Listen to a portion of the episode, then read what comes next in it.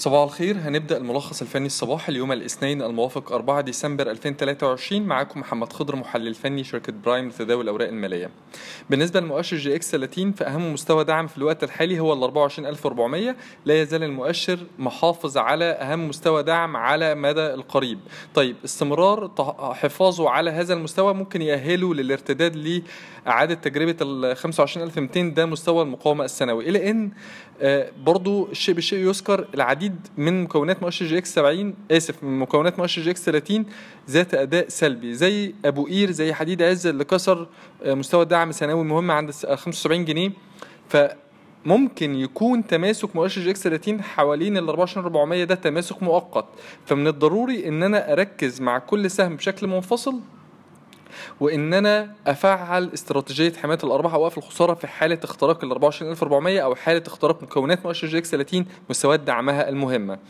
آه، آه، بالنسبة لي مؤشر EGX 70 لا تزال موجة الارتفاع الأخيرة ممتدة وممكن هي تستمر لمنطقة المقاومة بين ال 5400 إلى ال 5500 أهم مستوى دعم في الوقت الحالي وال 580 يليه ال 5100 بالنسبة لي ملاحظات التداول أول حاجة عندنا ابن سينا اللي أكد كسر 30 جنيه 70 وبكده هو ممكن موجة الارتفاع آه، اللي بدأت خلال تعامل جلسه امبارح دي تمتد ل 33 43 رؤيتنا عليها إيجابية. تاني حاجة عندنا OIH اللي هي أوراسكوم الاستثمار اللي بنميل إن هي تتماسك حوالين منطقة الدعم السنوية الحالية ما بين ال 42 إلى ال 40 حطيناها في تقريرنا الفني اليومي Tech Talk مع توصية بالشراء الانخفاضات توصية مدى قصير.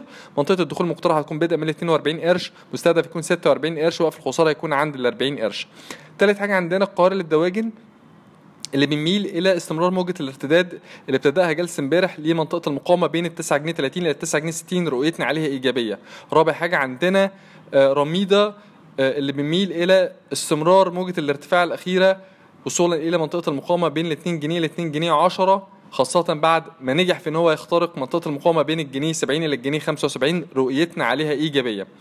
أما بالنسبة للأسهم ممكن تختبر مناطق مقاومة على المدى القصير أول حاجة عندنا أموك اللي كسر ال 10 جنيه 60 وأصبحت بدورها مستوى دعم بالنسبة للسهم. إحنا شايفين إن هو ممكن يستهدف منطقة المقاومة بين 12 جنيه إلى 13 جنيه. رؤيتنا عليه إيجابية على المدى القصير إلى إنها سلبية على المدى المتوسط طويل الأجل. شايفين إن استهدافه لل 12 13 جنيه منطقة المقاومة دي هيكون بمثابة فرصة لتخفيف المراكز الشرائية المفتوحة استنادا إلى معدل عائد على المخاطرة واستنادا إلى المؤشرات الفنية التي لا تزال سلبية على المدى المتوسط. باختصار أمك إيجابي على المدى القصير سلبي على المدى المتوسط.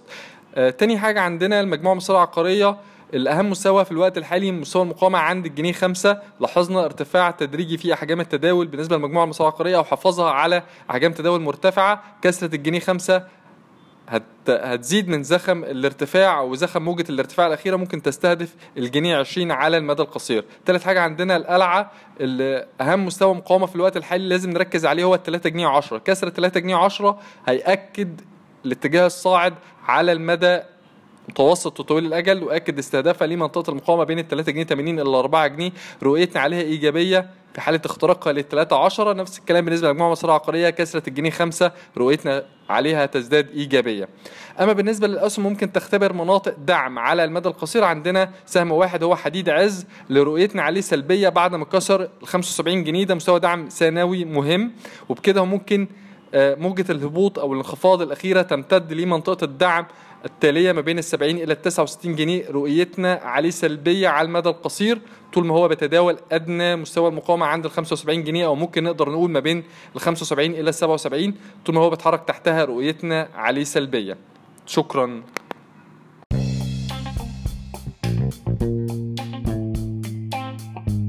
يرجى العلم أن هذا العرض هو لأغراض معرفية فقط ولا يمكن اعتباره عرض أو توصية شراء أو بيع أو إدارة استثمارات أو خدمات استشارية. ينصح باستشارة مستشارك المالي قبل اتخاذ أي قرار استثماري علما بأن الأداء التاريخي ليس مؤشرا يعتمد عليه لتحديد الأداء في المستقبل.